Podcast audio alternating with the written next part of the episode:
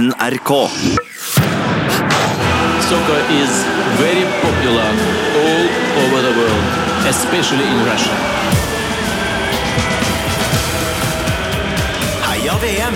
P3s Heia fotball følger fotball-VM 2018. Da, da, da, da. da, da, Velkommen til Heia fotball. Det er episode 12 nå. Er det ikke 13, eller? Nei, det er, tre- det er 13, ja! Det var det jeg egentlig skulle si. 11? Det var 13. Det var det jeg skulle si. Ja, Det er altså så mye VM og så mye glede at vi kommer ut av tellinga. Ja. Det må være lov, tenker jeg. Ja, men det var 13 jeg skulle si, fordi det er jo et slags uh, ulykkestall uh, i historisk uh, perspektiv. Ja, Noen fly eh, har jo blant annet ikke rad nummer 13 tilgjengelig. Og, men det, det er akkurat det uh, syns jeg er tull, og det er derfor vi også har episode 13.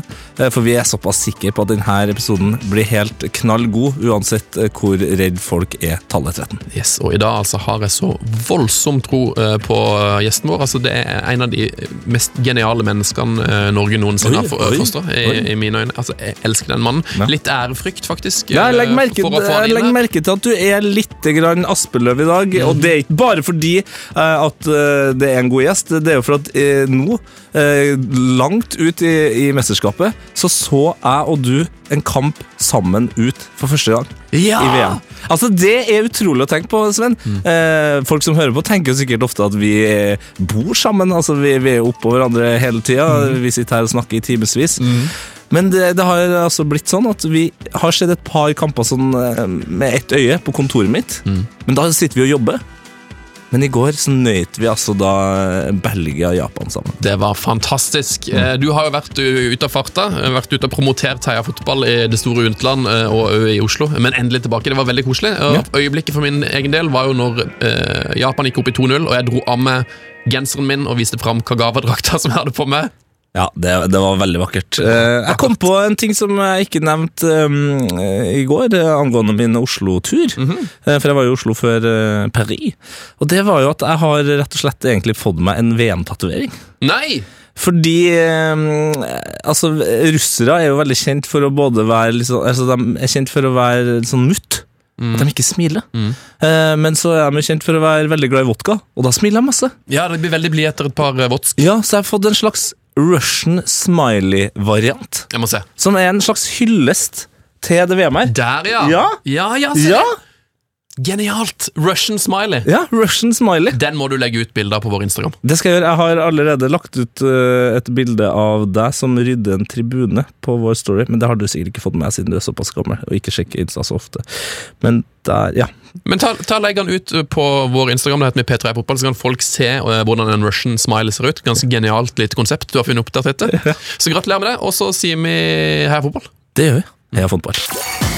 Babushka, babushka, Arshavin, Ronaldo og Puskas! Heia VM! P3s Heia fotball. Yes. Ja, ja, ja, ja. Ja, Nå er det tid for å ta imot dagens gjest, Tete. Ja, Eh, Og dagens gjest altså, er, han er en unik mann. Eh, En, en mann jeg beundrer eh, av hele mitt hjerte. Eh, Han er en av Norges smarteste og driftigste menn. Han er òg en mann som har tatt jobb i konseptet ditt, Tete, til nye høyder. Yes. Han, han altså kombinerer jobb med hobby. Det virker som at alt han jobber med, syns han er utrolig gøy. Han er en av Norges fremste krimforfattere, med over ti utgivelser på samvittigheten. Han er en av Norges mest kjente historikere. Han er antageligvis Norges mest kunnskapsrike menn på tema amerikanske presidenter. Han er politiker, biograf, verdensrekordholder, løper, sjakkspiller, sjakkdommer og sjakkekspert. Ja, han kan til og med allerede ha lagd årets TV-øyeblikk. Vi snakker selvsagt om selveste Hans Olav Lahlum, direkte fra Gjøvik. God dag. Ja, god dag, god dag. Jeg holdt på å ta dissens på et par punkter her, og jeg syns du gjorde meg litt større og viktigere enn jeg er, og så lurte jeg på hva som var årets TV-øyeblikk som jeg hadde gjort i år, men uh, greit, her er jeg. Ja, velkommen! Ja, det det TV-øyeblikket tenkte jeg skulle quize deg på. Altså, Har du ingen anelse om hva det kan være? Eh, har jeg i år, hvor jeg skulle ha lagd et eh, TV-øyeblikk. Du eh, var i te med TV 2 i, i Stavanger på Norway Chess, eh, hvor da plutselig eh, en av Norges eh, råeste folk, Magnus Carlsen, hoppa inn som programleder i studiosendinga der. Ja, Ja, og det Og det var du tenkte på, ja? ja. Det syns jeg var veldig gøy å se på. Altså, det var helt, et helt unikt innblikk i, i hans uh, sjakkjern. og Det ble en, sånn, det ble en veldig annerledes uh, sending. Så jeg, jeg tenkte det der, det der var på en måte et, eh, et gullfunn for TV 2 av et lite TV-øyeblikk. Eh, jo, jeg er for så vidt enig i det. Nå skal det vel sies at jeg hadde bare en birolle, og det øyeblikket i anførselstegn varte vel i over en time, hvis Ja, jeg ikke husker ja. helt feil. Så det var jo i hvert fall et av årets lengste TV-øyeblikk i så fall.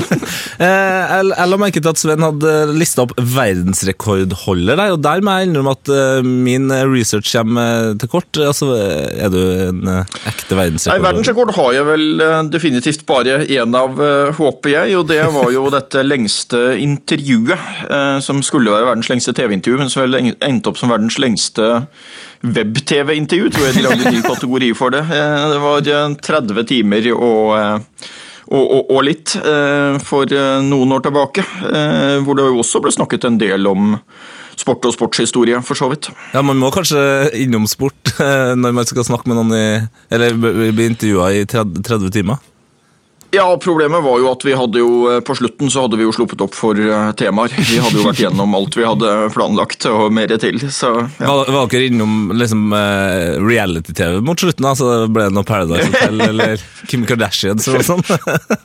ja, vi var nok innom noen sånne litt uh, temaer jeg i utgangspunktet ikke er så glad i også, ja. Så bra. Ehm, du er jo her for å snakke fotball. Jeg følger deg på Twitter, og det virker som at du, du ser så godt som alt. Det, er du fornøyd med VM til nå? Jeg er veldig fornøyd. Jeg synes at det har vært eh, et av de desidert mest minneverdige eh, VM-ene. Nå er jo ikke sånt så lett å måle, fordi det finnes jo litt ulike kriterier. Det er jo noen ting man alltid irriterer seg eh, over, da.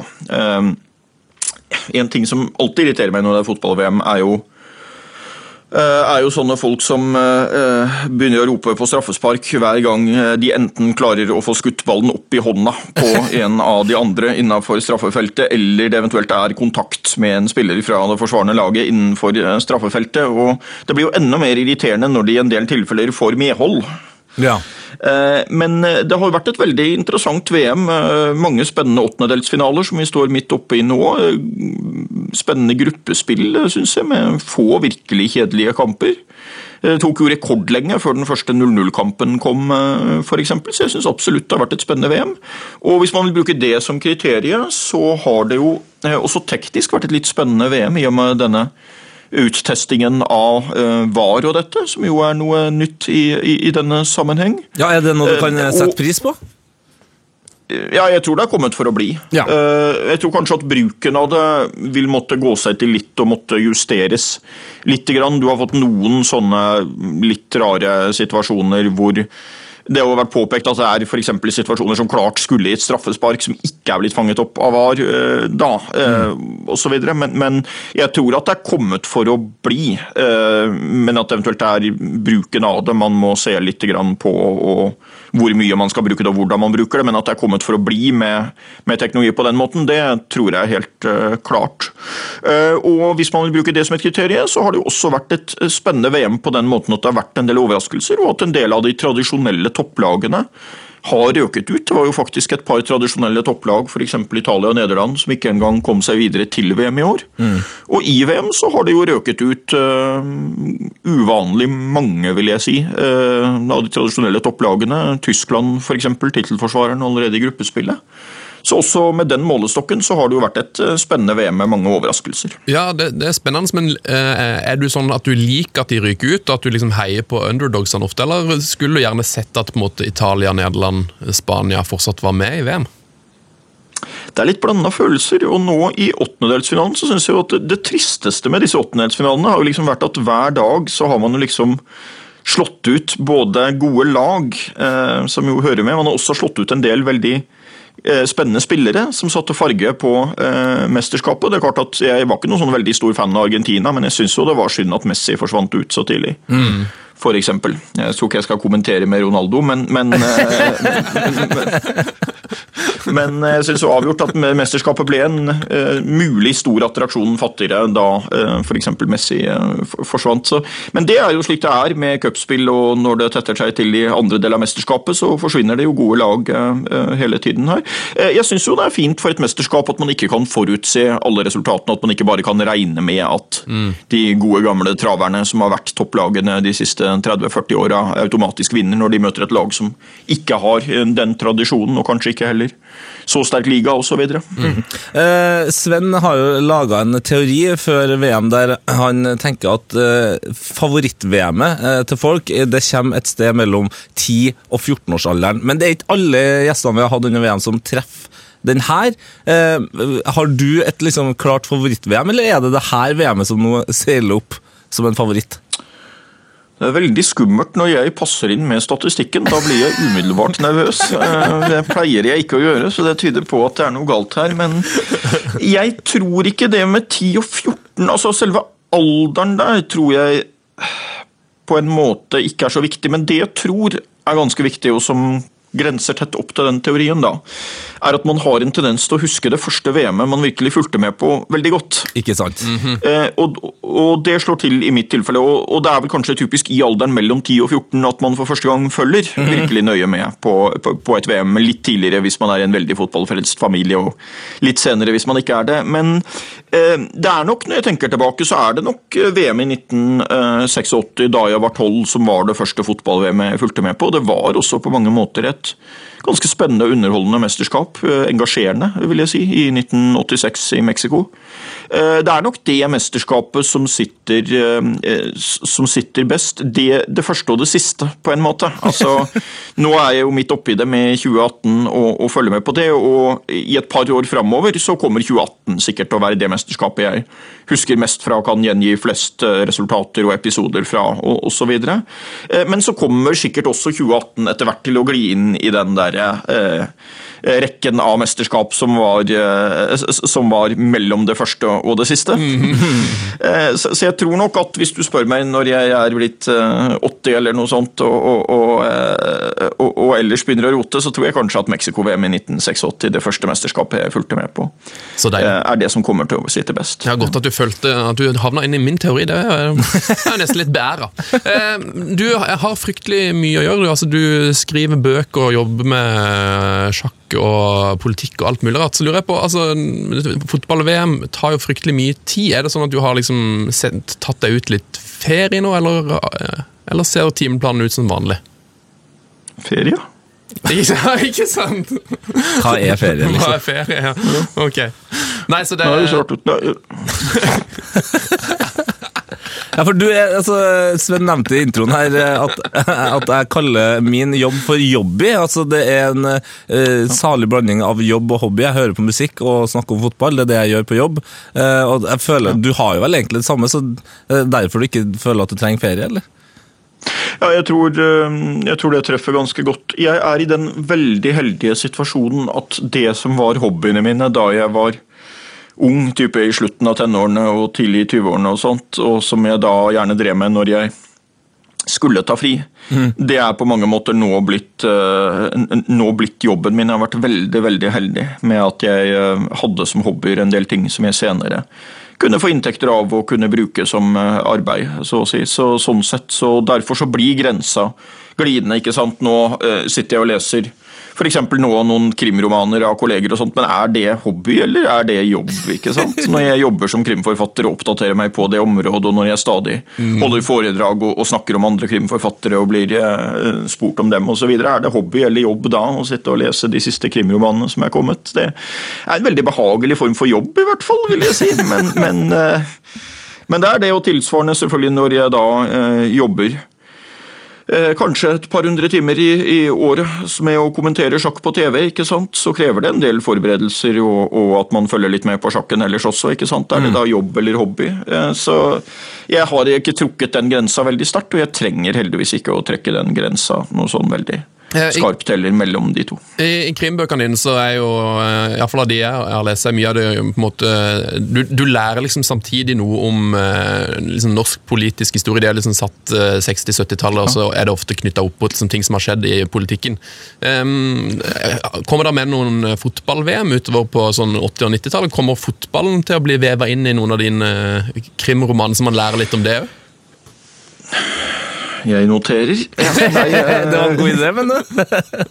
Ja, det er ikke utenkelig det. Nå eh, er jo situasjonen den at eh, den historiske krimromanserien din med K2 Patricia, den startet jo i 68. Eh, Den gikk uten eh, fotball-VM i 1970, hvor det vel ikke var noen spesiell handling på det tidspunktet hvor fotball-VM ble spilt. Nå nærmer jeg meg jo 74, da. Jeg er kommet til 1973. Og det er absolutt ikke uaktuelt at det i 1974 kan bli noen streiftog innom, eh, eh, innom eh, fotball-VM, men det får vi se. Så deilig. Eh, Og Det er jo litt eh, politisk historie i VM òg. På eh, VMs åpningsdag så skrev du følgende på Twitter. Fornøyd med at Saudi-Arabia gikk på et ydmykende tap i sin første VM-kamp, men samtidig skuffet over at Russland vant stort i sin første. Erkjenner at det kan bli et krevende VM. Ja, Det ble jo ikke mindre krevende da Russland slo ut eh, Spania. Eh, da. Nei. Nei.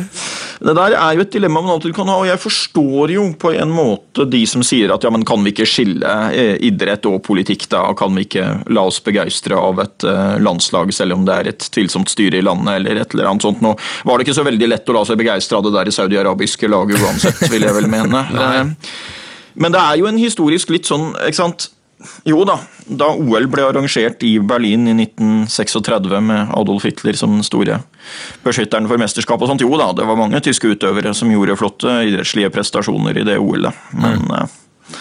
jeg syns vel ikke det var eh, riktig å håpe på de, og jeg syns vel på en måte, i det tilfellet med OL i 36, at man i ettertid kan føle en ganske stor beundring for en del eh, utøvere fra ulike land som sa at det der velger jeg å avstå fra å delta i OL, for det eh, det, det OL-et der blir så politisert og brukt så mye politisk at det ønsker ikke jeg å bidra til eh, for den avskyelige ideologien det er snakk om. Så uten direkte sammenligning så er det et veldig farlig prinsipp Ja. å si at man eh, ikke bør tenke på eh, politikk i det hele tatt innenfor idrettens verden. Jeg synes at denne trenden som er kommet nå, med at man legger arrangementer til ulike land hvor det er veldig krevende situasjon for menneskerettighetene, det er jeg ganske betenkt på. Jeg tror det kan ha også en negativ effekt for eh, for menneskerettighetene, som jeg mener at man også har sett noen eh, eksempler på. Det er klart Fotballen der nå, Russland nå er jo én sak. Qatar neste gang kommer jo også til å bli Er- litt av en sak, da. enda mer knevende, ja. Eh, vi, har, vi har fått altså, det, det er veldig mange som er opptatt av eh, det her med Russland og Putin og en mann som eh, på en måte fikler inn i det aller meste av det landet driver med. og Derfor så kommer det også opp eh, konspirasjonsteorier, eh, som f.eks. det at eh, de to som bomma for Spania på straffekonken, er de to som tjener minst penger av dem eh, som tok straffer. Altså, er det, altså, har du en litt sånn liten følelse på at det kan altså, Er det mulig for en president å, å, å tukle så mye med fotball? Jeg tror eh, ikke at noen av de som bommer på straffe i dette VM-et, kommer til å gjøre det av inntektsmessige årsaker. og Det er kanskje noe av det fine med et eh, fotball-VM. at eh, Nå er det jo blitt slik at eh, så godt som alle som deltar i fotball-VM, eller sannsynligvis alle, har vel en ganske god inntekt eh, uansett i, eh, i, i disse dager. Og, eh, og, og det er noe av det fine med fotball-VM, synes jeg. At det er ikke så mye snakk om pengene der, som man finner at det er f.eks. i en del av eh, klubbfotballen, hvor det virker som man tenker veldig mye på penger. Eh, her spiller man for landslaget, eh, man spiller for hjemmepublikum i hjemlandet, på sett og vis. Og jeg tror tror og håper veldig sterkt at vi ikke har noen tilfeller av, eh, av, av den type situasjoner i, i VM. Det er klart det er jo det er jo høytid for konspirasjonsteorier av uh, ulike slag, og, og det er klart at uh, når et VM legges til Russland i den situasjonen det er der, så blir det jo ikke færre av de. Jeg syns jo det er veldig synd at eh, Fifa og andre internasjonale idrettsforbund stadig vekk setter seg i den situasjonen. At man så å si gjør at det hele tiden må bli noe politikk rundt, at det hele tiden må bli debatter om er det riktig å delta osv. En veldig festlig parodi som gikk på, på en nettside for en tid tilbake, hvor det var en avsløring om at neste fotball-VM skulle spilles i helvete. Det hadde da kommet en 666 sider lang rapport som hadde konkludert med at helvete, var- på tross av varmen, var et veldig velegnet sted å arrangere fotball-VM. Eh, og det ble da nevnt som et tilleggsmoment at Sepp Blatter jo hadde vært et personlig forbilde for Satan i veldig mange år nå. Det er en sterk, en veldig sterk parodi. Eh, og, og lett å dra paralleller til Qatar-VM, selvfølgelig. Eh, som forhåpentligvis kanskje ikke bli i Qatar. Eh, Det som jeg, som jeg, som jeg legger til når du sier dette med liksom at eh, det kan være litt farlig dette med å blande politikk og idrett og sånn, så, men så tenker jeg samtidig så når eh, små barn på en måte som kanskje ikke ser Dagsrevyen og sånn, så ser man jo man ser jo Putin og den her saudiarabiske sjeiken som eh, trykk, altså, gjør håndtrykk før kampen, eh, og folk snakker jo liksom på en måte om hvem Putin er. Jeg, jeg tror jo at VM har jo på en måte en måte å gjøre barn kjent med verdenspolitikken på, i og med at liksom alle disse her landene representerer forskjellige ting. Så det er jo på en måte det er jo litt bra eh, hvis man ser det fra det perspektivet.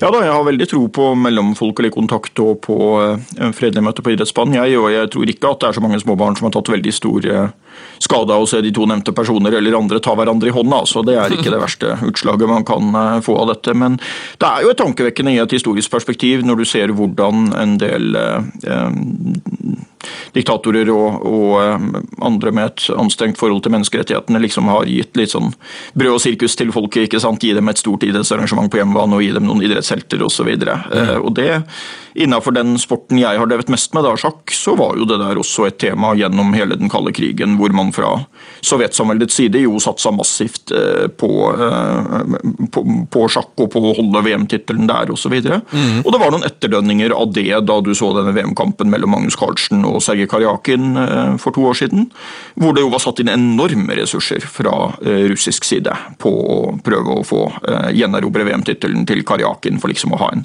triumf å vise frem der. Eh, apropos eh, sjakk og Magnus Carlsen. Hvis du, altså Vi vet jo at han er veldig glad i fotball, men hvis du skal liksom eh, sammenligne Carlsen sin sjakkspillestil med en fotballspiller, altså blir han da en, eh, blir en Messi, Luka Modric, eh, kanskje Ngolo Kanté? altså Har du en sånn, en sånn spillertype som kan eh, sammenligne Carlsen? Nei, Han vil nok som fotballspiller, hvis du skal omgjøre spillestilen hans i sjakk, så vil han være en veldig god allrounder, og kanskje først og fremst en veldig god spiller mer enn noe sånn skuddkanon, vil jeg si. Altså en, klart en spiller som kan skyte veldig godt med begge beina og, mm. og hedde godt, men kanskje aller mest en som forstår spillet veldig godt. Uh, evner veldig godt å, å, å, å, legge opp spillet, forstå hvor han bør være osv. Og, så uh, og typisk en som uh, blir god gjennom en lang kamp, gjerne med ekstraomganger. da. så han er en veldig allrounder sånn sett. Han er jo som du sier glad i å spille fotball. Nå skal jeg understreke med en gang at vi er ikke alltid enige om alt med fotball. Han heier jo f.eks. på Real Madrid, og det kommer du ikke til å se meg gjøre med det første. Men, øh, øh, men jeg har jo spilt på lag med Magnus i fotball. Ja, du har det? Og, øh, ja da. og ja, vel, la oss si det sånn, Han vil jo veldig veldig gjerne vinne, både i fotball og sjakk. da. Men eh, når du, når du liksom eh, snakker om hans styrker i, sjakk, da, så får jeg opp liksom sånn Patrick Vera, liksom Yaya Touré på sitt beste. altså En fyr som kan gjør absolutt alt og er liksom teknisk god, men først og fremst bruker det praktisk. Jeg er mer på Luka Modric. Ja. Luka Modric, ja, ja kanskje. Ja, jeg, jeg, jeg, jeg, tror, jeg, tror, også jeg ville satt Luka Modric uh, høyt opp uh, på listen der, men uh, jeg beskriver jo en spillestil her, og så kan jo folk vurdere selv hvilken spiller de syns det passer best på. Mm. Og det vil nok også skifte litt hvilket landslag man håper på i VM, hvem man synes at det ligner mest på. Det fins vel i nesten alle lagene i VM en spiller man liksom Eh, spillere som er mer allroundere og spillere som har mer spesialiserte egenskaper, selvfølgelig. Og han vil være den der eh, spillesterke allrounderen med veldig god spilleforståelse, eh, mm. tror jeg. Men det blir litt annerledes, da, i og med at sjakk jo sånn sett er et individuelt spill, mens fotball er et lagspill. Åsmund Orrestad spør jo et sjakkspørsmål. Han spør er, er Messi kongen eller dronningen? Ja, det, jo, jeg forstår hva han mener. Det er jo et godt spørsmål, på sett og vis. Og der er du over på noe av det problematiske med denne sammenligninga. Fordi kongen, som er den viktigste brikken i sjakk, står jo veldig mye stille. Uh, altså skal man jo helst gjemme unna, i hvert fall fram til sluttspillet. Nei, Jeg tror jeg vil sammenligne kongens Hvis vi først skal gi oss inn på dette sporet her, så tror jeg at du må, at du må sammenligne kongen i sjakk med keeperen på fotballbanen.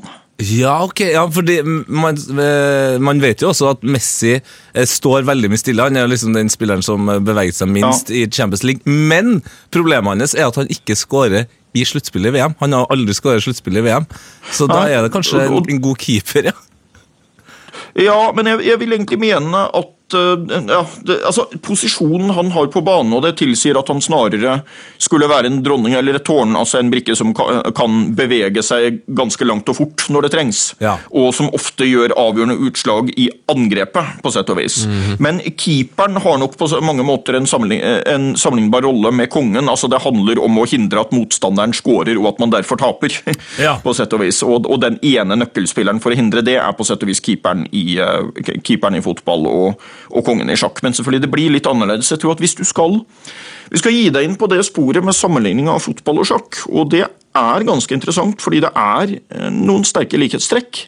I fotball så starter du med elleve spillere på banen, og så velger du ulike formasjoner og oppstillinger, og så handler det om å klare å få plassert de elleve spillerne i eh, situasjoner og posisjoner hvor de kan prestere best mulig for laget. I sjakk så har du 16 brikker fra start, så får du motsatt av fotball gjerne litt eh, Ja, det hender jo i fotball også for så vidt at man får færre å spille på etter hvert, men eh, det er i hvert fall vanligere i sjakk enn i fotball at det blir færre brikker å bruke etter hvert. Eh, Men det handler jo fra start på sett og vis om det samme. Finne en god formasjon som passer for det laget du spiller med. Klare å få de viktigste brikkene i de viktige og riktige posisjonene for denne kampen eller dette partiet. Men jeg tror nok du må si at eh, sjakkspillerens rolle ligner nok mest på fotballtrenerens. Ja. Ja det, Mer enn på fotballspillerens, på sett og vis. ikke sant? Det, det, sjakkspilleren gjør i et sjakkparti, er jo å sitte utafor selve brettet, men dirigere veldig nøyaktig og presist hvor de troppene man disponerer da skal hen. ikke sant? Og eh, Det er jo noen historier. Det var jo en sjakkspiller som begynte å kjefte på en springer som sto helt feilplassert da han tapte partiet. Han, Dette er din feil, alt sammen! det var den vingen liksom som sto ja, det, det er vakkert. Men, men Eh, og, og, og det er klart, du, du, du har tross alt litt mer som fotballtrener så har du litt mer spillerom for å bortforklare tapene med at det var spillerne som ikke fulgte instruksjonene dine og ikke gjorde god nok innsats osv. Men i sjakk så begynner det jo å bli hardt å bortforklare fordi det er klart at eh, brikkene i sjakk jo er jo ikke mennesker, de er jo brikker. Og de har jo da mer forutsigbare, om du vil, mer statiske egenskaper enn det, eh, eh, enn det brikkene i anførselstegn på fotballbanen har.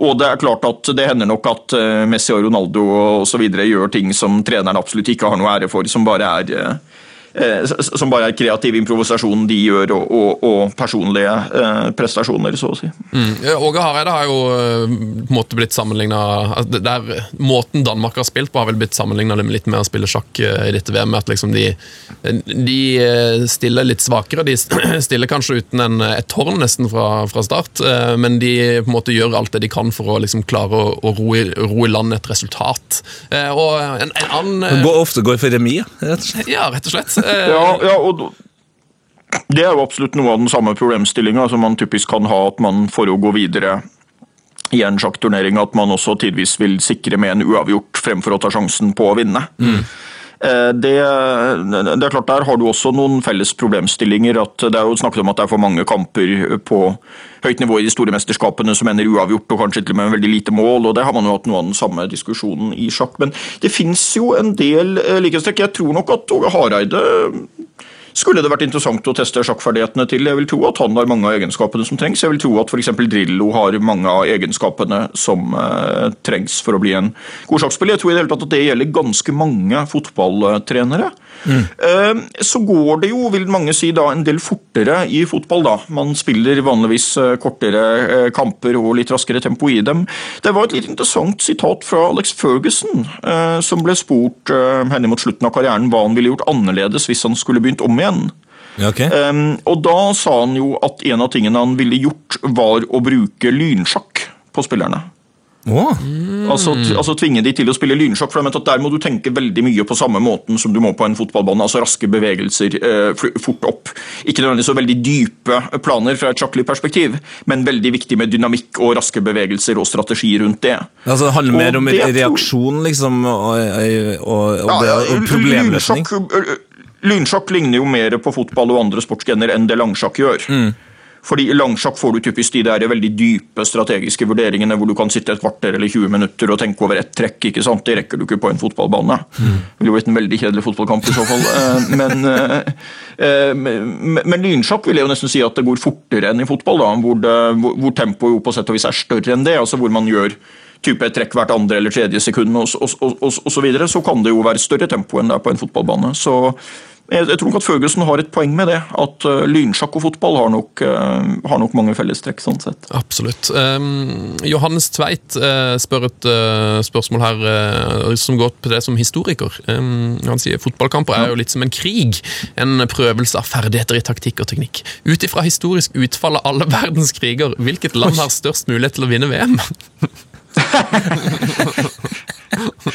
Nei, men først vil jeg si at jeg syns det også er et um, Det er også et perspektiv hvor, um, som er relevant for både fotball og, um, og sjakk, faktisk. Og, og, sjakk ser du jo at historisk sett er et slags ikke-voldelig krigsspill, ikke sant? hvor man har to herrer som møtes. De har lik størrelse og de har like ferdigheter fra start. Det du nevnte med å mangle et tårn fra start, jeg tror at hvis du skal mangle et tårn fra start i fotball, så strengt tatt så skulle du vel da vært over på en sånn situasjon som av og til forekommer på lavere nivå, at man ikke klarer å stille med elleve spillere eh, i VM. Så eh, i VM så måtte det vel nærmest være at man har én nøkkelspiller som man er veldig, opptatt, eh, veldig avhengig av, og som man ikke kan bruke i en kamp, enten pga. gule kort eller, eh, eller eh, utvisning eller noe sånt, eller pga. Um, av skade eller noe. Da vil du kunne, begynne å snakke om en sånn situasjon hvor en fotballtrener vil kunne unnskylde et tap med å si at vi manglet jo et tårn fra start. det, uh, nei, jeg, jeg, tror absolutt at det uh, perspektivet med den likhetene til uh, militær strategi, og det kan ha noe for seg i begge tilfeller. Kanskje mer i sjakk enn i fotball, egentlig. Men jeg tror at man ikke kan eh, utlede noe ut fra krigene og over til Heldigvis så tror jeg ikke man kan utlede noe over fra krigene og til hvem som kommer til å vinne VM. Tyskland har jo røket ut, da. ja, ikke sant? Eh, men det... de Nei, det er litt ulike, men jeg tror ikke man skal trekke de likhetene for langt om det er stormakter i, i krig. Og Man ser jo en viss forskjell her, fordi at det er klart at og Det er jo interessant at flere av de mest folkerike landene, og kanskje også de største militærmaktene i verden, mm. kvalifiserte seg jo ikke til dette mesterskapet. Nei. USA som verdens sterkeste militærmakt eh, kvalifiserte seg jo ikke til mesterskapet. Kina som verdens mest folkerike land og også en eh, veldig stor militærmakt, hvis de ønsker det, ehm, kvalifiserte seg jo heller ikke. Så ehm, nei, jeg tror man skal være forsiktig med å trekke de Eh, parallellene for langt hva angår resultater i dette mesterskapet, i hvert fall. Kristian eh, eh, Ånne eh, sier, vet ikke om det er helt relevant, men vet at Samir Handanovic, eh, Inters keeper, er sjakkinteressert. Og han har sagt i et eh, intervju som han har gjort på, som ligger på YouTube, at han veldig gjerne vil møte Magnus Carlsen. og da lurer jeg på, altså, Er det mange andre fotballspillere du vet om som, er, som følger sjakk tett? Ja øh jo da, det er en betydelig interesse der. Det er jo veldig hyggelig å se at det er mange idrettsutøvere fra ulike andre idretter som følger med på sjakken. Vi så jo dette, som dere kanskje husker, da utøverne, eh, de norske toppidrettsutøverne, skulle kåre den de mente var den beste utøveren, så kom jo, eh, kom jo Magnus. Eh, han vant vel i hvert fall delt et år, og det var vel kanskje et år han vant alene også, uten at jeg helt har pugget statistikken på det. Eh, og jeg merker jo at det er mange utøvere fra ulike andre idretter, og kanskje idretter man forbinder med å være veldig mye mer fysiske enn sjakk, mm. som nå følger veldig eh, engasjert med, og en del av de spiller også. Jeg hadde jo en sjakksamling i fjor med herrelandslaget i langrenn hvor det jo var flere som var på et høyt nivå og godt kunne ha vært med og spilt i NM nå. Eh, og Det finnes også en del i fotballen, og det merker man jo. En som stadig vekk driver og kommenterer når vi har sjakksendinger og sånt, det er jo Jon Arne Riise, f.eks. Oh, ja. Som jeg ikke umiddelbart hadde gjettet på at var veldig sjakkinteressert, men som tydeligvis har noe av dette samme strategiske der og, og, og, og så videre, og tenkninga rundt det.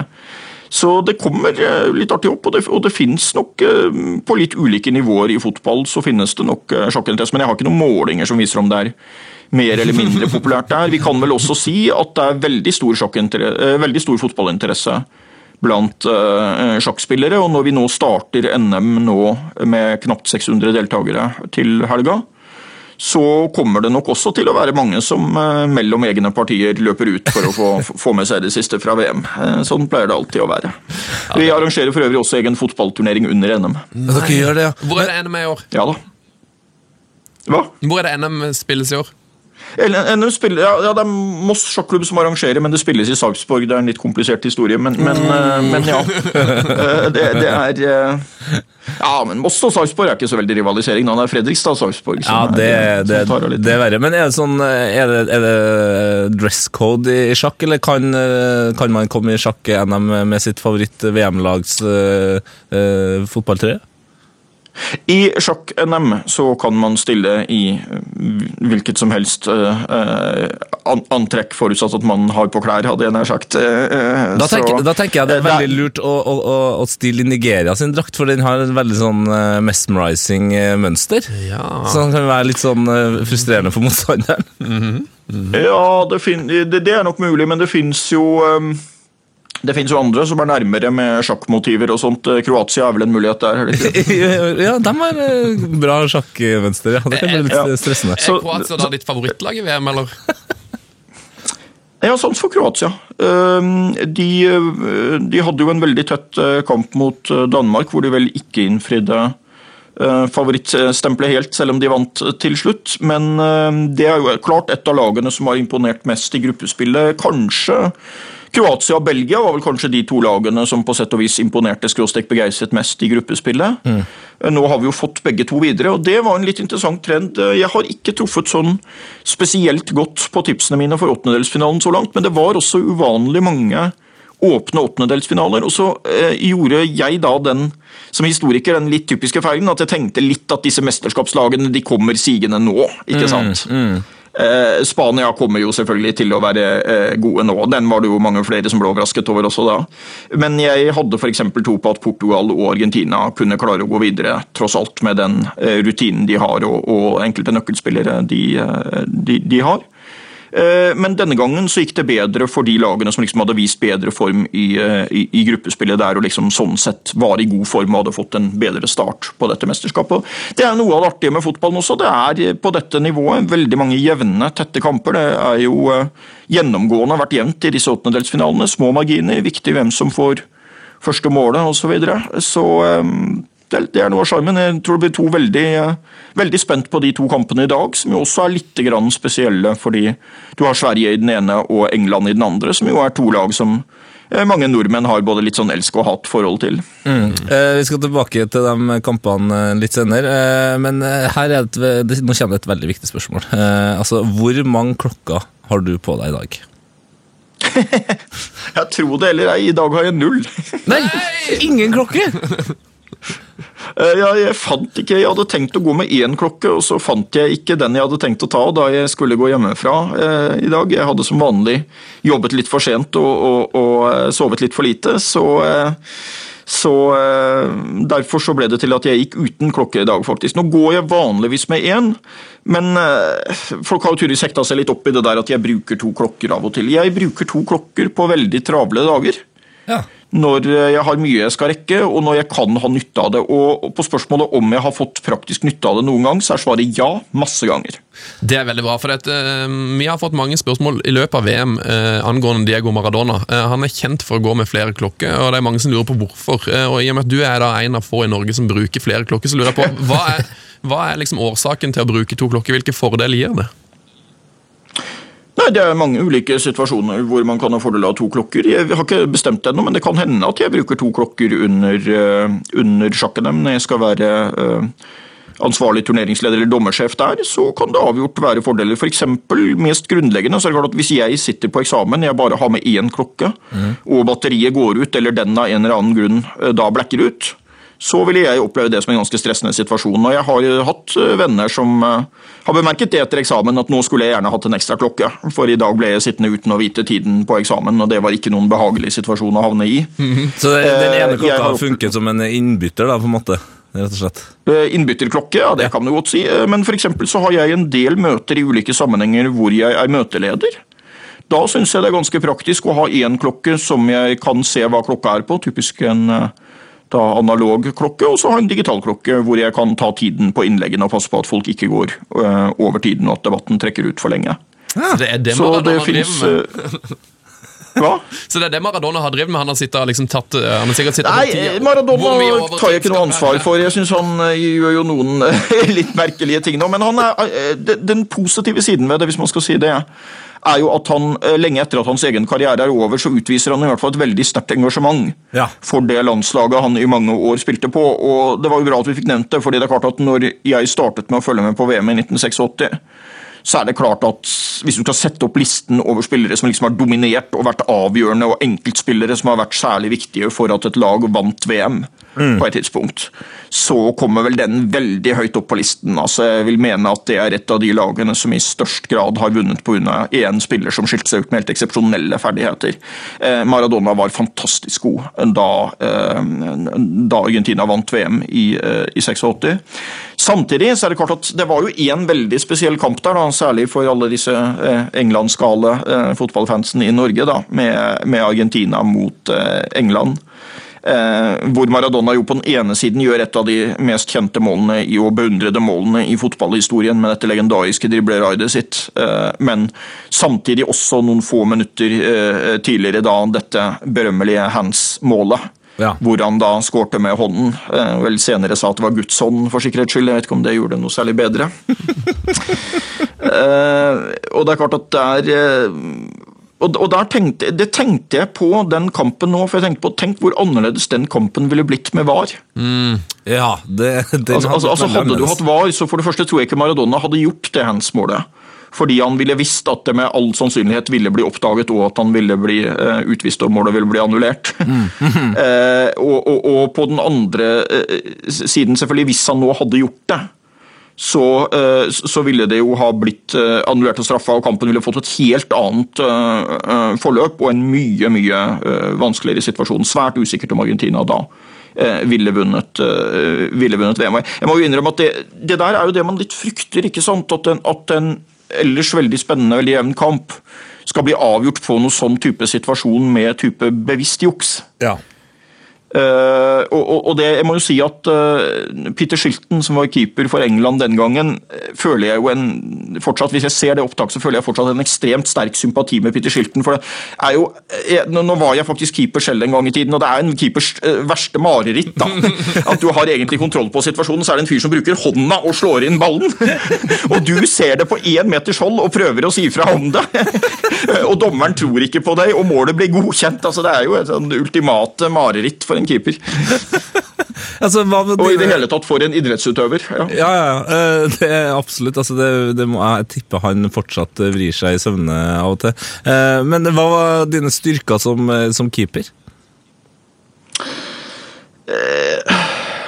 Nei, jeg tror jeg var en sånn skal vi si, brukbar allround-keeper, om man kan si det. Den svakeste siden var utspillene. Ok. Eh, Jeg ville heller kaste enn å sparke, for jeg var, og det er et minus for en fotballspiller, jeg var aldri noe sånn spesielt god til å sparke den der ballen.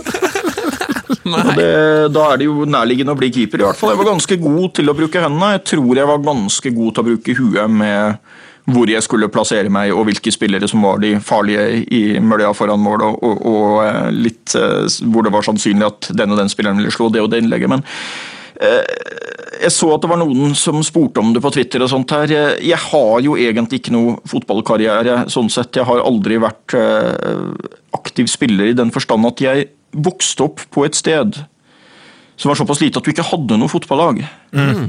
Og Det var tingene jeg helt klart savnet gjennom oppveksten. Hvis vi er på sånn 10-12-14-16, så var det på listen over ting jeg veldig sterkt ønsket meg da, så var nok et fotballag veldig høyt oppe. altså. Det var rett og slett ikke noe fotballklubb på det stedet jeg var, bare litt sånn uformell eh, løkkefotball, faktisk. Siste fasen med det når jeg er på 80-tallet og slutten av 80-tallet. Og, ehm, og jeg sto da i mål på skolelaget i gymtimene og på, på idrettsdagen, og var liksom førstekeeper for skolen på, på idrettsdagene. Men det var liksom bare det. Eh, Så jeg har sånn sett aldri spilt noen Jeg står ikke registrert noe sted i disse arkivene til Norges Fotballforbund, eller heller ikke noen lokal fotballklubb, sånn sett. Så, eh, så trist. eh, nå føler jeg med, jo- med alle som har vokst opp eh, med, med samme problematikk. Det, jeg hører jo at du, du syns det er litt trist sjøl òg, altså, at ikke har mulighet. Ja, det, det, er, det, det er jo det. Og det er klart at hvis jeg hadde bodd et annet og større sted, så er det veldig sannsynlig at jeg ville spilt aktiv fotball i den fasen. Der jeg var 16, da jeg flytta til et sted hvor det var en aktiv fotballklubb. og da av litt ulike årsaker, inkludert at jeg da valgte å bruke ganske mange helger på å spille eh, på å spille sjakk. Og Hvis du spør meg i dag, så ser jeg ikke på det som noe stort tap, men det har jo sammenheng med at, eh, at jeg fikk det så bra som jeg fikk det med andre ting. ikke sant? Ja. Altså Hvis jeg hadde hatt det veldig dårlig i dag og vært veldig misfornøyd med tilværelsen, så ville jeg jo sittet og tenkt på det, og var det kanskje fotballproff man skulle ha vært? ikke sant? Hadde jeg et talent der som jeg aldri fikk brukt? Men jeg tror ikke at talentet mitt der var så veldig stort, og slik det ble, så var jeg jo veldig fornøyd med slik utviklingen ble videre. Så det er ikke noe jeg går og tenker på eh, i det hele tatt eh, da. Veldig bra. Eh, Vi kan snakke litt om eh, gårsdagens kamper. Vi ble jo servert Brasil, Mexico og Belgia, Japan 3-2. Hvilke, av hvilke av de kampene der engasjerte deg mest? Nei, Brasil hadde jo tross alt en rimelig kontroll på uh, Mexico da, sånn det ble. Det kjentes aldri helt som Mexico. Det, det er jo typisk sånn kamp som er spennende inntil det første målet. Og så når det laget som er forhåndsfavoritten scorer først, så tenker du litt at da blir det vel sånn, og det ble det jo også. Det var jo ikke uventa. Jeg håpa vel, selv om jeg hadde tippet på at Brasil skulle vinne, så håpet jeg litt på at Mexico skulle komme nærmere. Og Mexico var jo ikke et dårlig lag i det hele tatt, men eh, det strakk ikke helt til mot Brasil. Jeg tror nok de ville vært avhengig av å få det første målet for at den kampen skulle blitt virkelig spennende. Eh, Japan fikk jo det første målet. Og ikke bare det første, men også det andre. Eh, Og den kampen ble jo også da veldig veldig spennende. Men det, det må jo ha vært en av de kampene i VM hvor det var størst forskjell på første og andre omgang, i hvert fall. Ja, det er det ingen eh, tvil om. Altså, den eh, første For den første omgangen var ikke det mest spennende jeg har sett til nå. Den var veldig avventende og, og litt sånn lenge avventende åpningsspill i et sjakkparti, holdt jeg på å si. Og, og litt sånn, men så var det jo et fyrverkeri av en andre omgang. Og Det var jo en sånn kamp hvor man til slutt unte begge lagene å gå videre. og Én ting som jeg så flere bemerka, som jeg også tenkte på underveis, var at dette var to veldig i anførselstegn ærlige lag. altså Man la ikke inn tre omdreininger for mye hvis man falt, og man prøvde ikke å filme seg til ting. og Begge lagene spilte veldig sånn ærlig, klar, direkte fotball. Jeg synes Det som skjer på overtid der, er liksom veldig illustrerende på en måte hvor Japan da på stillingen 2-2 etter å ha mista tomålsledelsen sin, går opp i angrep, trekker folk opp på en corner, prøver å avgjøre på banen uten å måtte gå til ekstraomganger. Og så skjer da eh, det at de mister ballen, og en lynkjapp, veldig instruktiv kontring fra Belgia, som gjør at det i stedet blir Belgia som vinner. Altså Begge spiller på vinst, eh, så å si på overtid, med fare for å tape. Det ender med at det ene laget taper, men jeg syns Japan gikk jo virkelig ned med flagget til topps og overrasket jo positivt. eh, Fremfor alt i denne åttendedelsfinalen. Og så var jeg samtidig glad for at Belgia gikk videre. Fordi eh, jeg tenkte at Belgia nok har mer å tilføre og en tøffere match for Brasil i neste runde enn det jeg tror Japan ville ha vært. Jeg er klar over at det er delte meninger om dette også. eh, og eh, En litt artig ting der er jo faktisk at Belgia, i hvert fall i vesteuropeisk sammenheng, eh, er et av landene som på sett og vis veldig mye trenger et godt fotballandslag og et godt fotball-VM, fordi det er et land som jo er altså, i global sammenheng eh, god økonomi og et veldig moderne, avansert samfunn og alt, alt det der på ulike måter. Men det er jo et land som har en veldig skarp intern eh, splittelse. da. Eh, Det er jo et land hvor man typisk utnevner eh, to statsråder til ulike poster fra én fra hver av de to store eh, gruppene. ikke sant? Så fotballandslaget har jo faktisk flere ganger vært dukket fram som en av de få tingene som belgierne liksom kan samle seg om og være enige om at dette er noe vi virkelig stiller oss bak alle sammen. Så Belgia er et lag jeg da litt, jeg syns også de historisk ofte har spilt eh, morsom fotball. Helt tilbake fra 1986 så var jo Belgia et av lagene som overrasket gikk til semifinale. Og ble utspilt av Maradona i semifinalen, men likevel da et lag som både overraska positivt og spilte litt sånn gladfotball. Så Belgia er et lag jeg historisk har et positivt forhold til, og nok høyt opp på listen over favorittene mine videre. Eh, Veldig interessant at du snakka også om, eh, om eh, de siste minuttene. For det var veldig mange som snakka om at Japan var naiv, som gikk for ett et mål. Men jeg tenker også at man kan hylle Courtois, som, som de aller fleste keepere på overtid som får ballen på en corner der, legger seg over ballen og tenker nå venter vi til, til ekstraomganger. Men han setter jo i gang den kontringa altså så lynkjapt. Og så må man hylle Japan, som skåra to mål for første gang i utslagsrundene i VM. Det, det, det er jo vakkert. Så som du sier, de kunne gå ned med flagget til topps. Og ikke minst Fansen deres rydda tribunen nok en gang, selv om laget røyk ut. Det syns jeg er vakkert. Ja, Japanerne er nok godt organisert i så måte, da. Eh, og Av og til er det jo litt fascinerende. Japan er greit nok, de er på sett og vis godt organisert uansett. Men nå, nå fikk vi jo ikke se de denne gangen. Det er et sånn historisk spørsmål, eh, historisk gåte jeg noen ganger har lurt litt på. altså det er Hvordan i all verden kan italienerne være så ekstremt gode til å organisere fotballag som de på sitt beste er når de sliter med å organisere noe som helst annet? Det er liksom, Ja, det, er, ve- det, er, det er veldig Veldig godt spørsmål. Det med ja, altså At Tyskland er godt organisert, det er liksom ikke noe man undrer seg over. Men at Italia er det, det er jo litt mer ja, det var, det Der pleier det å være litt mer i sydlandsk temperament og improvisasjon og, og litt mindre god planlegging, syns jeg. Så, men fotballag har de virkelig vært gode til å, til å organisere. Kan jo kanskje nevne her en sånn diskusjon jeg hadde med en sjakkspillervenn for, eh, for, for over 20 år siden, hvor han bemerket at norsk fotball er jo akkurat som engelsk fotball. Én sparker ballen, og så løper alle etter den. De, bare, de norske bare løper litt saktere. Uh, og så sa jeg at Hvis du bryter det ned på den måten, finnes det egentlig noen annen form for fotball enn det? da, Hvis du tar det ned sånn helt basic. og da svarte han med en gang at det gjør du absolutt. Du har f.eks. tysk fotball. Én sparker ballen, og én løper etter den. Litt mer forsiktig tilnærming. ja.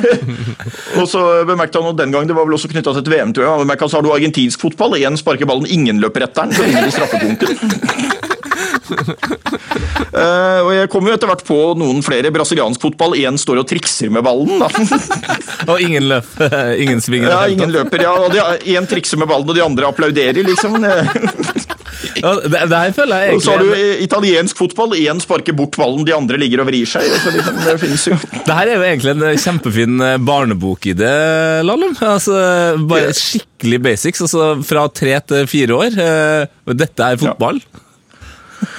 den gangen prøvde jeg også å si at svensk fotball var i så fall at én bommet på ballen, da, men jeg skal innrømme at den fungerer litt dårligere fra et norsk perspektiv i øyeblikket. Eh, kjapt om Brasil-Mexico òg. Um, trygg og god seier mot Mexico. Eh, Brasil fortsetter å imponere. På Brasil må, på sitt må få litt mer eh, kred for, eh, for fundamentet sitt. Altså, altså, eh, man tenker jo hele tida, i hvert fall i et eh, historisk perspektiv, at det liksom er sambaball og det er bare dribling og alt sånt, men de er jo kanskje det beste forsvarslaget i VM akkurat nå. Ja, jeg bemerket vel i går at eh, vi trenger jo ikke Italia når Brasil er blitt mer Italia enn Italia noen gang var. Ikke sant? Så det, så, Eh, For det, for det er jo liksom litt den der rollen Italia tradisjonelt har hatt som Brasil på en rar måte har overtatt nå. altså At man spiller litt sånn uh, veldig solid, uh, godt organisert i forsvar, og så er man veldig effektive framover når man får sjansen. Eh, det som jeg ser at mange reagerer mot på Brasil, og som jeg har veldig stor forståelse for at man reagerer mot, for det gjør egentlig jeg også, er jo eh, det på sett og vis Neymar er kommet til å, til, å symbolisere da med dette eh, overspillet. Syns det er fryktelig synd, fordi Neymar er da en så dårlig skuespiller ja. at han med det klarer å skjule hvilken god fotballspiller han er. ja, for han er en veldig god Altså Det man snakker om er at han ruller altfor mye og, og, overspiller hvis han får en liten kakk. Og, og, og- Det ene med det andre, det er jo veldig synd, for han er en genuint veldig god fotballspiller, hvis du ser bort fra det. Men eh, det er klart han er jo flink til å få det til å bli andre ting man snakker om. Det har han felles med flere sterke fotballspillere for tida, for så vidt. Men, men Brasil er jo da eh, Brasil har endra seg litt, for da, da jeg var barn, holdt jeg på å si, på 80-tallet Eh, så ble jeg litt sånn anti-Brasil på en slags rar måte, fordi jeg ble så provosert over at alle de andre skrøt opp Brasil noe så voldsomt. altså Det var liksom hele tida Brasil er så fantastisk, og de spiller så gøy. Og så, og så jeg som kom inn og liksom ikke hadde sett de på 70-80-tallet og, eh, 70 og 78-82 og sånt, var liksom ja, Er dette her egentlig så fantastisk eh, spennende og bra, da? De hadde en heidundrende kamp i 1986 da de røk ut i kvartfinalen mot Frankrike, så det skal de ha. Men sambafotballen var jo allerede da litt på vei tilbake, og etter hvert ble det jo mindre og mindre av det. i eh, Noen år senere så vant de jo VM-finalen uten å skåre mål. altså ble det første laget som vant på, straffe, eh, som vant på straffekonk eh, i VM-finalen. Eh, Så Brasil endret seg jo gradvis eh, der.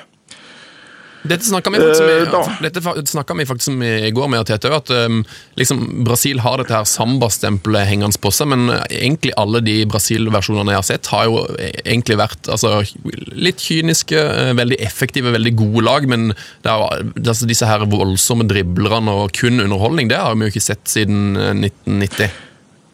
Nei, og det er klart at forrige VM på hjemmebane var jo veldig hardt da. Altså, kan godt si at fjerde, fjerdeplass i seg selv var jo skuffende på hjemmebane, men det var noe med måten man gikk ned på i den der semifinalen mot Tyskland, altså. Det, Har- har det det vært- et, det, Har det vært en lignende kollaps eh, av en kjent eh, sjakkspiller? Altså, altså et blodbad på, på sjakkens eh, Ja, der, der er det igjen litt vanskelig å sammenligne, fordi det har nok skjedd. Men du må ta i betraktning at sjokk er litt annerledes der. fordi i sjokk så er det jo sånn at ett virkelig dårlig trekk kan tape også hvis du i anførselstegn leder 5-0. Ja. Ja, det er sant. Altså, ikke sant? Du kan utspille kan motstanderen, du kan stå materiell over med et vinnende angrep, og så gjør du ett fantastisk dårlig trekk. Mhm. Skårer ett sånn superselvmål, og da taper du kampen. ikke sant? Altså, Du mister dronninga, eller du overser en matt, eller et eller annet, og så taper du plutselig en kamp hvor du leda 5-0. Eh, Det gjør jo også at sjakk på en måte blir mer spennende, på den måte at selv om en sjakkspiller står helt til vinst hvis du virkelig håper på en sjakkspiller, så sitter du litt med hjertet i halsen selv når han står helt til vinst på brettet. Ja. Fordi den der ene feilen og det der ene fatale selvmålet kan jo fortsatt komme og snu opp ned på alt, ikke sant? Eh, Så det, så det er at eh, så- der er det jo en, en forskjell, men det finnes mange historier om sjakkspillere. Jeg vil vel si at alle alle sjakkspillere på noe godt nivå så å si, har vel opplevd det en eller annen gang, at du har spilt opp en fantastisk god stilling og liksom tenkt at dette vinner jeg jo lett som bare det, og så kommer den der ene forferdelige feilen. Og den der helt grusomme følelsen når det går opp for deg hvilken feil du har uh, gjort. da. Som typisk nok skjer akkurat når motstanderen snapper ballen og skårer. Tenk, tenk, tenk deg det da hvis Brasil hadde leda 5-0 og tapt 7-1. da, da, Ja, det er vel mer eh, tapper 7-5 eller et eller annet sånt, da. Men, men, men, men det er jo helt klart en forskjell. Og det er klart at den, den kampen mellom eh, Tyskland og Brasil, ikke sant, så gikk jo lufta helt ut av det. Fordi Tyskland gikk jo allerede i første omgang opp i så stor ledelse at det var helt klart at den ikke eh, ville kunne bli tatt igjen. Der ville det vært mer spenning i, i, i sjakk, tross alt, da, av, av nevnte grunn. Altså det ville tross alt kunne snu hvis Tyskland da skåret et, eh, et, et virkelig håpløst selvmål, på sett og vis. Men, eh, men, men eh, Nei, jeg tror den er i historien, i hvert fall i den moderne fotballhistorien, så er nok det den største kollapsen. Og eh, som sagt også en favoritt på hjemmebane. ikke sant? Et lag som, som vi var inne på, som liksom skulle være eh, Brasil hadde jo ikke noe så nødvendigvis bundet hjertene så veldig på hjemmebane heller da, tidligere, og de hadde jo på mange måter ikke innfridd helt, men det, man, man regnet jo nettopp med at noe sånt ville ikke kunne skje Brasil på hjemmebane. Eh, Du er jo ekspert på amerikanske presidenter, um, og jeg har liksom bygd meg opp en liten teori gjennom VM her med at jeg liksom ser noen paralleller mellom Neymar og Obama, og Neymar og Trump, ikke minst. Eh, Så lurer jeg på, på en måte, Har Neymar det som skal til for å, for å kunne blitt en amerikansk president? Hvis du ser bort ifra dette med nasjonalitet og sånn. Nei, det, det finnes jo en del eksempler på idrettsutøvere som har prøvd å gjøre politisk karriere senere. Noen eh, få har lyktes, eh, mange av de har vel ikke lyktes så godt på en annen arena. Men eh, jeg kjenner ikke Neymar eh, personlig, så jeg skal være veldig forsiktig med å uttale meg eh, Ja, men jeg, om jo- det. og jeg uttale meg litt, for jeg, jeg føler liksom at han treffer mange av de samme knappene som Trump akkurat nå, med at han på en måte, han er jo utrolig populær, og så er han kontroversiell, og, og så er han liksom Han trykker litt på knappene til folk. eh, Ja, han er liksom litt hata, og så er han også, det, det som kanskje er det aller viktigste, han er på en måte sånn helt umulig å ikke forholde seg til. Du må liksom ta stilling til han, og så har du jo håret, da, eh, som òg har vært et, et samtaleemne. Så det, der er mange paralleller der. Ja, nå syns jeg nok at politikken og fotball-VM i den sammenheng Altså en uh, fotballarenaen og politikken som arena føler jeg nok blir eh, noe ulike, selv om det er, eh, selv om det er noen tankevekkende likheter der også. Men det gjelder vel flere. Jeg føler vel på en måte at Neymar og Ronaldo på en måte havner litt i samme kategori sånn sett. Altså Det er hevet over tvil at begge to er fantastisk gode fotballspillere. Eh, De spiller likevel på en måte og gjør en del ting som gjør at de også samtidig pådrar seg veldig mange motstandere og veldig mange folk som intenst hater de. Og Sånn sett kan du vel tenke opp noen likheter. Som en del andre spillere. altså Pelé ble ikke hata på den måten som, eh, som, et, eh, som de blir, hvis du ser på kommentarer osv. da. Maradona litt mer kontroversiell, bl.a. med dette hands-målet sitt og, og, og en del eh, sånne ting. Men det er nok det er veldig po- politisk polarisert i USA i øyeblikket. Altså Det er veldig harde fronter, og man er med oss eller mot oss, på sett og vis. Eh, I fotballen føler jeg vel at det på en måte hele tiden har vært eh, ganske polarisert, i hvert fall under mesterskapene. Men det er nok mulig at det er det enda mer nå. Jeg tror særlig dette her med eh, dette med skuespill. Og det, jeg hadde jo et lite regelforslag som jeg ikke vet om dere snappet opp på Twitter her, med at eh, Eh, man hadde jo, Nå røk jo laget ut på gule kort her. Ja. Eh, Senegal var det ikke det som røk på gule kort? Det stemmer. Eh, Mot Japan, ja. og, og, ja, ja. Eh, og, eh, og, og der har jeg jo da foreslått til neste VM at hvis det står likt på poeng og målforskjell og innbyrdes oppgjør, så kan man rett og slett si at det laget som har færrest forsøk på filming, går videre. Ja, det er i hvert fall nærmere, føler jeg, fair fair playen. For det, den den heter jo fair play-regelen her, at eh, Japan går videre fordi de har færre gule kort. Men det er jo ikke nødvendigvis ufair å få et gult kort. Du, du prøver jo på en takling, f.eks. Uh, så sånn sett så, så, så har du, føler jeg at du har en sak der, altså. Ja, det, det var noen folk som kommenterte og mente at det er jo dekket inn allerede i og med at man får gult kort for filming. Eh, For det første, for det første så får man i altfor liten grad gult kort for eh, forsøk på å filme til seg straffespark, eller hva det måtte være. Eh, Og for det andre så får man jo gult kort for diverse andre ting, som du er inne på. Så da risikerer man jo, når man bruker det systemet, at de lagene som prøver seg på flest forsøk på filming, blir forbigått av lag som bare rett og slett er mer voldelige. For eksempel. Eller, eller bare ja, det er, jo, eh, det er jo ikke etter hensikten i så måte. Eh, Eller som er mer upresise, altså som prøver på ting og bommer og, eh, og, og, og, og så videre. Jeg synes jo ellers at hvis man ser det i et sånn eh, 32-årsperspektiv, som det på sett og vis blir da, fra VM i 86 til i dag, så har det jo skjedd en del nytt. Vi var innom VAR og litt sånt. Jeg syns jo egentlig at man har klart å oppdatere at de fleste av de endringene man har gjort, som har blitt stående da. Man har gjort noen forsøk på endringer som ikke fungerte, og som man gikk tilbake på.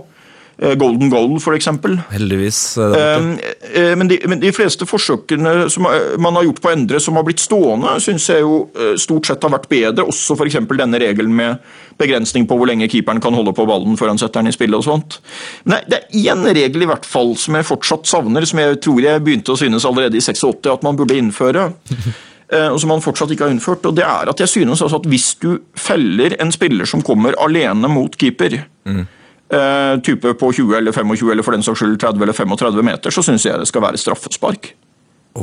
Ja, den er god! Ja, ja, men altså, det er, altså, ikke sant? Du dømmer straffespark på enhver forseelse som skjer innafor 16-meteren, også når en spiller er på vei ut og ikke er i noen posisjon til å lage mål. Det er noe av det beste jeg har hørt. Og så dømmer du ikke straffespark når en spiller kommer løpende alene mot keeperen.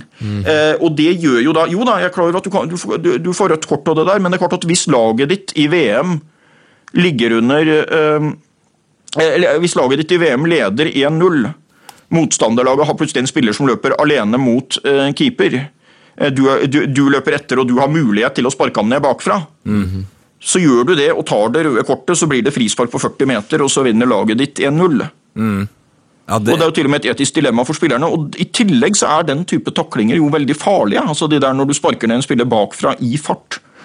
Um, Så det er en regel jeg absolutt synes at, uh, at, at burde ha kommet. At man som nå kan dømme straffespark innenfor 16-meteren, men at man også kan dømme straffespark utenfor 16-meteren hvis en spiller kommer alene uh, mot uh, mål og blir felt bakfra. det, er- altså, det er en fantastisk Du ser ut som du har sett lysene, Tete. Ja, ja, men jeg har det. Altså, at jeg sjøl aldri har tenkt på det. Nydelig eh, regelforslag. Dette skal vi prøve å ta så langt som overhodet mulig. Eh, Til Høyesterett. Ja, til Høyesterett. rett. En siste Neymar um, uh, sånn ja, link da til Trump må jo være at uh, begge to er jo altså, elsker jo å kaste ut meksikanere. Ja, det, det gjør de. Det må man jo kunne si. Det gjør de, absolutt. Ja, begge stiller seg i mur til tider, hadde jeg nær sagt. Nei, jeg var fornøyd med den. Eh, Det er noen kamper som skal spilles i dag òg. Colombia, England og Sverige mot Sveits. Eh, Hvem har du tippa videre her, eh, Hans Olav Lahlum? Nei, eh, mitt evige forsøk altså Jeg har en tendens til å bli litt sånn provosert av eh, folk som er så veldig oppe, og det har jo verst ramma England, da. fordi så lenge jeg har vært med, så er Norge fullt under VM av folk som sier at nå er det Englands tur, nå har de utrolig bra lag, dette kommer til å gå veien, altså. Og det går like dårlig hver gang, altså. Ja. Eh, så, så, eller med, I større og mindre grad så går det liksom Det er sånn Det var visstnok en bok for mange år siden som skulle hete 'Hvorfor alt går gattel'. Ok. Ja, den en stavefeil av galt, da. Eh, og, og det er liksom England i disse store mesterskapene. Altså, det går alltid galt. Et eller annet går alltid gattel. Altså. Veldig ofte noe som har med en straffekonk å gjøre. Eh, men eh, Nei, jeg, jeg, har, jeg har tippet på Colombia og jeg har tippet på Sveits, men jeg har lyst til å si at begge de to kampene er veldig åpne, altså. Mm. Uh, uh, ville satt de på listen over kvartfinaler, som er fra åttendedelsfinaler, selvfølgelig, som er, fra start var veldig i tvil om hvordan det ville gå med. Jeg syns de er helt åpne. Og Sverige imponerte jo, selv om de tapte mot uh, Tyskland mange minutter på overtid, så imponerte jo Sverige i gruppespillet. Jeg synes det, er, det er litt artig at Sverige har klart å få så mye av laget uten Zlatan. Mm. Absolutt. Fordi Det var jo et lag som ble beskyldt for at de har liksom bare Zlatan som er virkelig god, og, og de klarer ikke noe uten han osv. De har jo som kollektiv klart å gjøre veldig mye ut av det uten egentlig synes jeg, å ha de helt store individuelle stjernespillerne når Zlatan er borte. Så det, er litt artig hvis eh, Sverige gjør det bra der. Samtidig syns jeg at Sveits er et lag jeg har laget litt sånn uh, anmerkning for at kan være et lag å se opp for. De spilte, syns jeg, ganske bra i gruppespillet. Jeg tror det kan bli to veldig spennende kamper i dag og to kamper hvor utfallet står eh, ganske åpent, vil jeg si.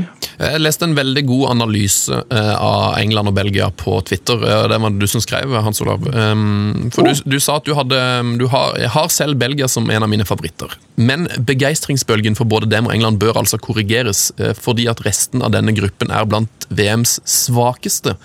Hva ja. mente du med det? Nei, bare rett og slett at det var en veldig todelt gruppe, hvor du hadde to lag som ble veldig sånn tiljubla fordi de spilte bra og lagde mye mål og sånt. Men hvis du ser på nivået på de to lagene de møtte, så var det nok en av de aller letteste gruppene å gå videre fra, og det var mulig å skåre mye mål. Og Tidvis så blir jo det der fokuset på antall skåringer og antall situasjoner så å si veldig overdrevent i VM, og så får du liksom all verdens berømmelse hvis du klarer å skåre mye mål mot ganske dårlige lag. Mm. Og så får du mindre berømmelse hvis du uh, spiller litt gjerrigere fotball for å gå videre i en gruppe med veldig sterke lag. Da. Det var ujevnt nivå på gruppene denne gangen også. Den gruppa der var et av de beste eksemplene på det. Så det sa rett og slett ikke så veldig mye, uh, syntes jeg. For England er jeg fortsatt genuint i tvil om. Altså, de har vunnet mot to svake motstandere. Én veldig klart, én uh, slett ikke så veldig bra. Så har de tapt med ett mål mot Belgia i en kamp hvor de uansett var sikra å gå videre, og hvor det var ganske usikkert uh, om det var eh, best å, å, bli nummer én eller to. Eh, Nate Silver, eh, legenden som eh, statistikklegenden fra amerikansk politikk og, og ulike andre ting, egentlig. Hadde jo en litt interessant analyse som jeg ikke vet om dere fanget opp med det, at han mente at det er altfor mange scenarioer hvor det lønner seg å bli nummer to i gruppa. Mm. Og at det man derfor burde gjøre, var heller å ha en trekning etter, uh, etter, gruppespillet. Altså at du sier at du går videre som nummer én eller to, og er du nummer én, så blir du sida som nummer én. Da møter du ett av to-lagene, vi vet ikke hvilket. Ja, Fordi Nå blir det all verden sånne spekulasjoner om at ok, vi blir nummer to, men da får vi lettere motstand i ja. hvis vi kommer oss dit, og, og, og, og så videre. Så det blir litt for mye sånn strategisk tenkning rundt det, og litt for lite fokus på å gjøre det best mulig i gruppespillet. Mm -hmm. eh, og Det er en idé jeg på mange måter har sympati for, men det er et par utfordringer ved den. Det ene er rett og slett det rent praktiske.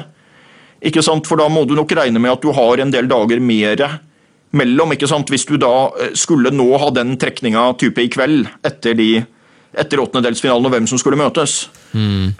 så er det klart at da kunne du risikere at et av lagene som går videre i dag, møtte et av lagene som gikk videre for tre dager siden nå var mye bedre uthvilt osv. Så, videre. så da må du ha en del flere dager mellom, og alt det praktiske med logistikk og hvor man skal spille og sånt blir mer komplisert. Mm. Særlig et land som uh, Russland eller Brasil, med uh, ganske store land med til dels store avstander og sånt, så kan du jo få den problemstillinga. Og uh, Det andre elementet er jo da, det kan man jo legge en mekanismer på, men du vil jo da også kunne få den situasjonen hvor du fort kan få en situasjon hvor lag som har møttes i gruppespillet, ganske fort må møtes igjen. da. Mm. Ja, det er akkurat det. Ja. Eh, jeg har vært innom den tanken sjøl, men det er, det, det, det er, på det praktiske det stopper, mm. dessverre. Men teorien er veldig, veldig god. Vi, må, mm. vi må videre.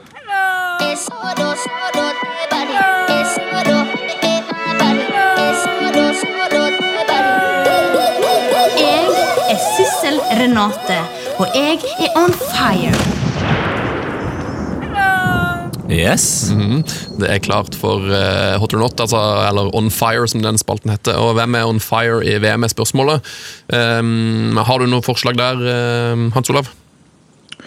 Kan du definere on fire, eh, bare så vi er helt klare på det, både for meg og seerne her? Eh, har- Eller lytterne? Ja, Vi kan iallfall ta det for seerne. Eh, er det noen eh, spillere eller fenomener eh, eller lag som du syns er virkelig i døtten? Er Eller noen- øyeblikk, for eksempel. Ja, Er det noe du setter veldig pris Ja. på akkurat Og nå? da er det Da er det ja, ok, Så valgfritt på spillere, lag eller situasjoner, på sett og vis? Ja, bare en eller annen ting.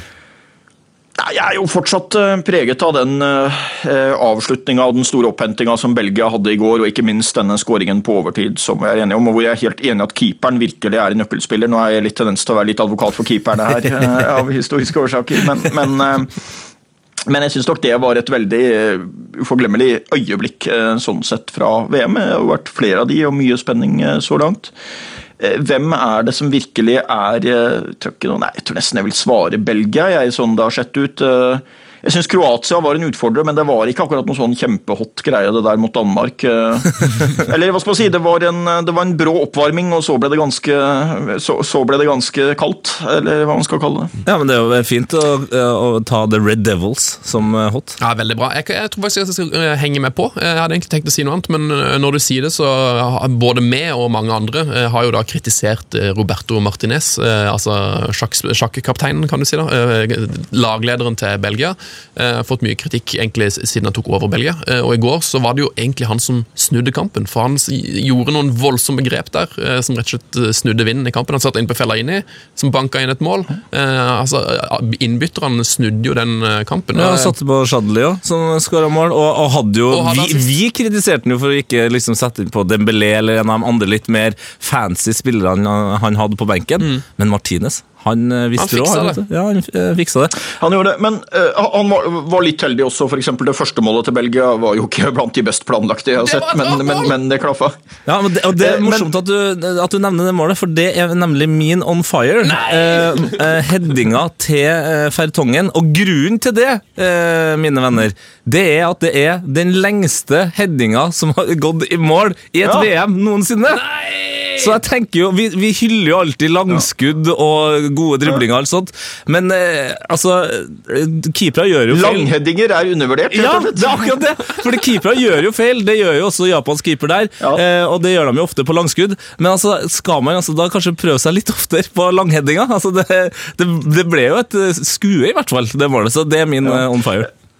Men, men jeg synes faktisk at den situasjonen med Belgia og treneren illustrerer litt noe jeg har tenkt på noen ganger med dømminga i år, og som ble særlig aktuelt med VAR, at den store forskjellen går ikke mellom de som gjør feil og de som ikke gjør feil, for vi gjør feil alle sammen. ikke sant? Vi gjør feil uh, i livene våre, uh, fotballtrenere gjør feil, dommere gjør feil osv.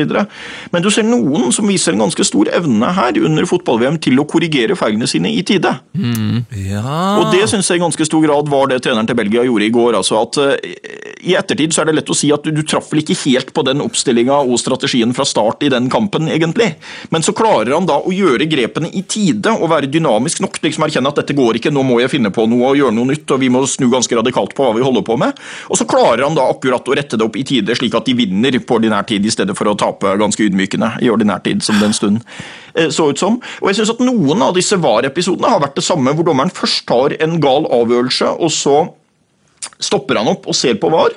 Og så erkjenner han liksom i tide at der gjorde jeg feil. Her Yes. skulle det vært straffe, eller her skulle det ikke vært straffe. ikke sant? Eh, Og går tilbake. og Det er jo mye bedre enn å liksom stivne på at ja, jeg kan ikke ha gjort noe feil, det må ha vært riktig, det der. Jeg kan ikke se at det liksom nødvendigvis må være annerledes. Så det er mye bedre å erkjenne sine feil i tide. Fantastisk. Du sa det mye bedre enn uh, meg. Eh, vi går videre til en eh, annen spalte, Tete. Det der syns jeg er dårlig, syns jeg. Ja, det var dårlig, syns jeg. Det der syns jeg er dårlig, syns jeg. Ja, det var dårlig, syns jeg. Det der, det var dårlig, syns jeg. Ja, det var dårlig, syns jeg. Har ikke sett det, har ikke hørt det. Men det var dårlig, syns jeg. Det der syns jeg er dårlig, syns jeg. Ja, det var dårlig, syns jeg. Det der syns jeg er dårlig, syns jeg. Ja, det var dårlig, syns jeg.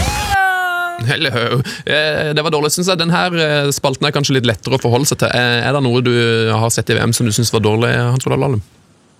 Ja, det er jo Selvfølgelig, det skjer jo så mye i VM, så det er jo alltid noe man syns er dårlig. Ehm, Jeg tror nok at Når historien om dette mesterskapet skal skrives, så kommer man til å si at den aller største skuffelsen var Tyskland. Mm. Det, men er det, det har jo hendt før da, at tittelforsvareren får, får en slags reaksjon av forventningspress og alt og, og ryker ut tidlig. Men det er klart da, fryktelig skuffende at Tyskland skulle tape to kamper og, og ryke ut i det, den innledningsgruppa der som også så i hvert fall fra start sånn relativt overkommelig ut å gå, vi, å, å, å, å gå videre fra. Eh, Men her og nå, altså jeg hadde liksom tenkt å nevne Russland, som jeg syns ikke imponerte så veldig på hjemmebane, men i og med at de slo ut Spania Ja. Eh, Så, og, og siden vi nå er i åttendedelsfinalemodus her, så tenker jeg at vi får vel tross alt eh, si, eh, eh, si at Spania i åttendedelsfinaleperspektivet var en veldig stor skuffelse. Altså, det skulle virkelig ikke være nødvendig å tape mot det russiske laget der. Og det skulle virkelig ikke være nødvendig å tape den kampen der, for det var jo en kamp de dominerte veldig sterkt i kart og laget et straffespark som jo eh, var en av de svært få sjansene Russland hadde i den kampen, for å si det høflig. Først lagde de en unødvendig straffe og så, som ga mål i kampen, og så var det jo dårlig i straffekonken òg, så ja. Mm. Hva er din dårlige tete? Nei, det er jo Vi har hatt en lang ryddediskusjon her i eh, Heia VM, eh, der Sven eh, har irritert seg over at Japan rydder stadion Altså japanske fans da rydder stadion etter endt kamp. Og altså Det VM her har hatt mange fantastiske stadioner. Det har vært god stemning på stadionene. Og det har vært ryddig og pent utenfor. eh, Sikkert mye pga. japanernes innsats, og også ikke minst at de har på en måte fått med seg flere andre lands fans. Eh, Så min dårlige syns jeg er jo at Japan røkker ut nå, eh, for nå blir det jo et helsikes rot i, i Russland. Det blir folk som må jobbe overtid, som garantert ikke får penger for, for det. For det tipper jeg at Putin og, og det russiske fotballforbundet ikke er hypp på å, å dele ut noe ekstra cash der. Så det blir et eh, helsikes rot. Noe Et rot etter VM, rett? Ja, det blir, nå blir det et rotete VM. eh, Så det, det er Så du mener at eh, japanerne har gått og ryddet etter de andre lagene også, mener du? Så det er derfor det liksom har vært gjennomgående ryddig? Ja, altså Ut ifra eh, bildene som, eh, som blir sendt fra Russland, så ser det jo virkelig ut som at de, altså, de går rundt med, med, med, med søppelsekker, Lallum, eh, og, og, og rydder hele stadionet. Altså. Men ikke på alle kamper, vel? Nei, det, man vet jo ikke. da. Kanskje det er en eller annen at de sender, sender, sender Her kommer det nye konspirasjonsteorier. Altså. Arrangøren har egentlig ikke gjort noe bra, det er bare Ja, japanerne det er som har gitt opp alt sammen. Det er dem som har fiksa alt sammen. Nei, det blir spennende å se om, eh, om teorien Ja, din holder. den, da. den tror jeg nok går Men, men, men det, er ikke, det er jo ikke akkurat et ukjent fenomen. eh, og, og eh, det er klart, Hvis du snakker om en teknisk gjennomføring av et idrettsarrangement med rydding, og sånt, så er det klart, der tror jeg nok også at OL i 1936 kommer jo teknisk høyt opp på lista. Ikke sant? Ja, det, det er noe med det. det, det, det er en historie der som jeg ikke skal si om eh, Den har vært tilskrevet litt ulike også, men OL i 1936 så var det jo visstnok uh, et av de utenlandske fotballagene som hadde eh, konkurranse om å finne noe de kunne klage på da, Ja. til arrangøren. Fordi alt var jo lagd med nazidisiplin og sånt. Og, da, eh, og da, de fant jo noe til slutt. da, altså sånn, ja, vi har fått et gods å eh, bo på. Ja, det er en innsjø på godset, men det er ikke svaner i innsjøen på godset vårt. Og da sto det jo en funksjonær der og beklaget veldig dypt og bukka og tok det på stort alvor, og like etterpå så kom de kjørende med en bil med svaner, da. Og da var, da, var, klar, da var det ingenting å klage på. Nei. Nei, ikke sant? Så, så, så det, det fins noen sånne litt ubehagelige historiske greier med det der at, eh, at eh, det er også noen arrangementer som har gått i land med litt tvilsomt forhold til menneskerettigheter og sånt, har fremstått som veldig sånn ryddige og organiserte. Ja, jeg liker veldig godt. Var det ikke Jørn Andersen som snakket noe om hvor godt organisert det var i Nord-Korea? da? Ikke sant, ikke sant, ikke jeg, liker, jeg liker veldig godt hvordan du drar uh, paralleller mellom nazismen og Tetes uh, elsk for rydding. Det setter jeg stor pris på. Det slår et stort hull i Tetes teori her. Nei, det slår, et, det slår et hull i, di, din teori, fordi det, han snakker vel egentlig om eh, ikke. dårlige menneskerettigheter. Japanerne gjør det frivillig, mens Ja, ja, eh, det er russerne gjør det gratis og blir piska til å gjøre det. Så det er din teori som får et tull her. Nei, det er nok ikke det. Det er tryggest å holde seg utenom dette her. Du, um, eller Dere lurer kanskje på hva som jeg syns er dårlig til slutt? Ja.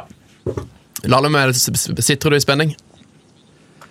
Ja, nå er det en bokstavelig talt kokepunkt med spenning her, men det har litt sammenheng med at det er innmari varmt på Gjøvik i dag. Så. Så bra. Nei, det som jeg syns er dårlig med VM, det er ingenting. Jeg elsker dette VM. eh, Opp og ned, eh, sideveis eh, og i mente. Altså, alt med dette VM er helt fantastisk. Og Hans Olav Lahlum, du har vært en helt utrolig fantastisk gjest. Veldig hyggelig å få låne hjernen din i nesten halvannen time. Eh, Ja, kan, kan, jeg, kan jeg få si en litt viktig ting til slutt når det gjelder fotball-VM? Ja. Eh, Fordi det er egentlig et viktig punkt her at jeg merker jo at jeg blir mindre engasjert av klubbfotballen enn det jeg ble på 80-tallet. Og grunnen til det er at jeg syns at herrefotballen på klubbsida er blitt så veldig pengeinfisert, om man skal si det sånn. Det handler veldig mye om penger og overgangssummer og kontrakter og, og, og, og så videre. Og jeg pleier å si at bare jeg ser han der Rune Hauge med dollargris og stresskoffert, så mister jeg lysten til å se klubbfotball i, i, i flere måneder framover. Altså at det er blitt så veldig big business og veldig mye penger.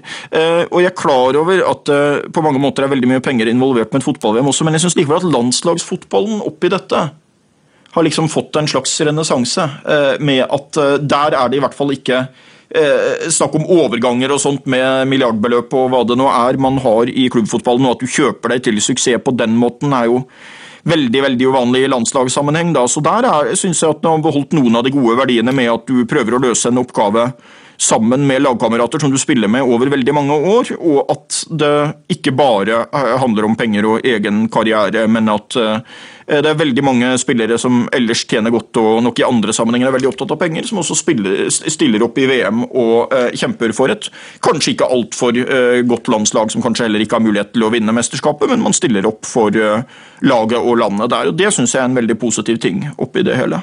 Åh, det, Jeg kunne ikke ha vært noe mer enig eh, i det. Det Bevingede ord.